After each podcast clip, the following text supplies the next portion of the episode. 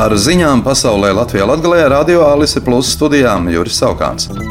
Latvijas, Lietuvas un Polijas prezidenti kopīgā vēstulē NATO ģenerālsekretāram Jensam Stoltenbergam un alianses dalību valstu līderiem brīdinājuši par norišu Baltkrievijā radīto apdraudējumu, paužot, ka Maskavas un Minskas sadarbība apdraud drošību reģionā un visā Eiroatlantiskajā kopienā, un ka Krievija izmanto Baltkrievijas teritoriju un resursus agresijas karam pret Ukrainu.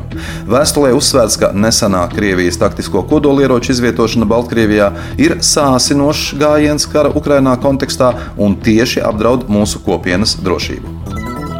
Turcijas mēdīja ziņo, ka šodien Ukrainas prezidents Volodimirs Zelenskis Stambulā tiekas ar Turcijas prezidentu Reģepu Tajipu Erdoganu. Paredzams, ka sarunu galvenās tēmas būs vienošanās par Ukrainas graudu transportēšanu pa Melno jūru un nākamnedēļ gaidāmais NATO samits. Analītiķi sagaida, ka Zelenskis mudinās Erdoganu dot zaļo gaismu Zviedrijas uzņemšanai NATO pirms alianses samita, kas 11. un 12. jūlijā notiks Lietuvas galvaspilsētā Viļņā. Vācijas veselības ministrija sagaida, ka plānotā marihuānas legalizācija valsts tiesību aizsardzības iestādēm, tiesām un cietumiem ļaus ik gadu ietaupīt vairāk nekā miljardu eiro. Pārskatīto likuma projektu ministrija ceturtdien izsūtīja profesionālajām apvienībām, kuras nodarbojas ar šo jautājumu. Likuma projekts paredz, ka cilvēkiem, kas sasnieguši vismaz 18 gadu vecumu, būs atļauts glabāt līdz 25 gramiem marihuānas, plānots atļaut arī ne vairāk kā trīs kaņepju stādu audzēšanu personīgai lietošanai. Valsts prezidents Egils Levits šodien pateicās Latvijas tautai par doto iespēju četrus gadus kalpot Latvijas valsts prezidenta amatā. Ārlietu ministrs un jaunievēlētais valsts prezidents Edgars Rinkēvičs, komentējot premjera Krišjāņa Kariņa teikto, ka nākamais ārlietu ministrs varētu nākt no jaunās vienotības, atzina, ka vairākās saimā pārstāvētajās partijās ir cienīgi ārlietu ministra amata kandidāti, tostarp arī jaunajā vienotībā. 8. jūlijā Rinkēvičs saimas ārkārtas sesijas sēdē dos svinīgo valsts prezidenta solījumu. 9. jūlijā būs dziesmu un deju svētku noslēguma koncerts. Tostarp paredzētas tikšanās ar vairākiem ārvalstu viesiem, kuri ir uzaicināti uz svētkiem.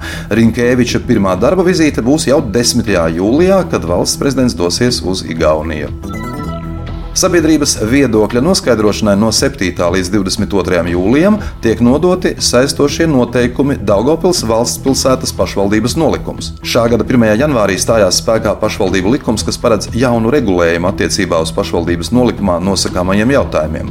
Izpildot pašvaldību likuma pārējais noteikumu 6. punktā noteikto, ir izstrādāts jauns Daugopils valsts pilsētas pašvaldības nolikums, kas nosaka pašvaldības institucionālo sistēmu un darba organizāciju. Saistošo noteikumu projekts atrodams Daugopils pašvaldības portālā daugopils.lv. 14. un 15. jūlijā Daugopils cietoksnī notiks 6. starptautiskais vēsturiskās rekonstrukcijas festivāls Dinaburg 1812. Lai gan festivāls ir pazīstams ar savu vēsturisko tēmu, atskatu uz 1812. gada notikumiem, kad franču karaspēks nespēja salauzt maza, bet drosmīga garnizona pretestību, festivāla programma ieinteresēs gan senatnes mīlētājus, gan jaunu iespēju meklētājus. Daugopils cietoksnis būs piepildīts ar mūsdienīgiem ritmiem un melodijām, Iepriekš cietokšņa vaļņi jau ir dzirdējuši metāla un roka mūzikas akordus, bet šogad festivāla Dienaburg 1812 apmeklētāji varēs iepazīt un izbaudīt hip-hopa, indie roka un blūza noskaņas. Vēstures rekonstrukcijas festivālu atklās tieši hip-hopa vakars. Ar ziņām studijā bija Juris Saukāns. Projekta Ziņas bez robežām pasaulē Latvijā Latvijā ietvaros šo ziņu izlaidumu finansē Mediju atbalsta fonds.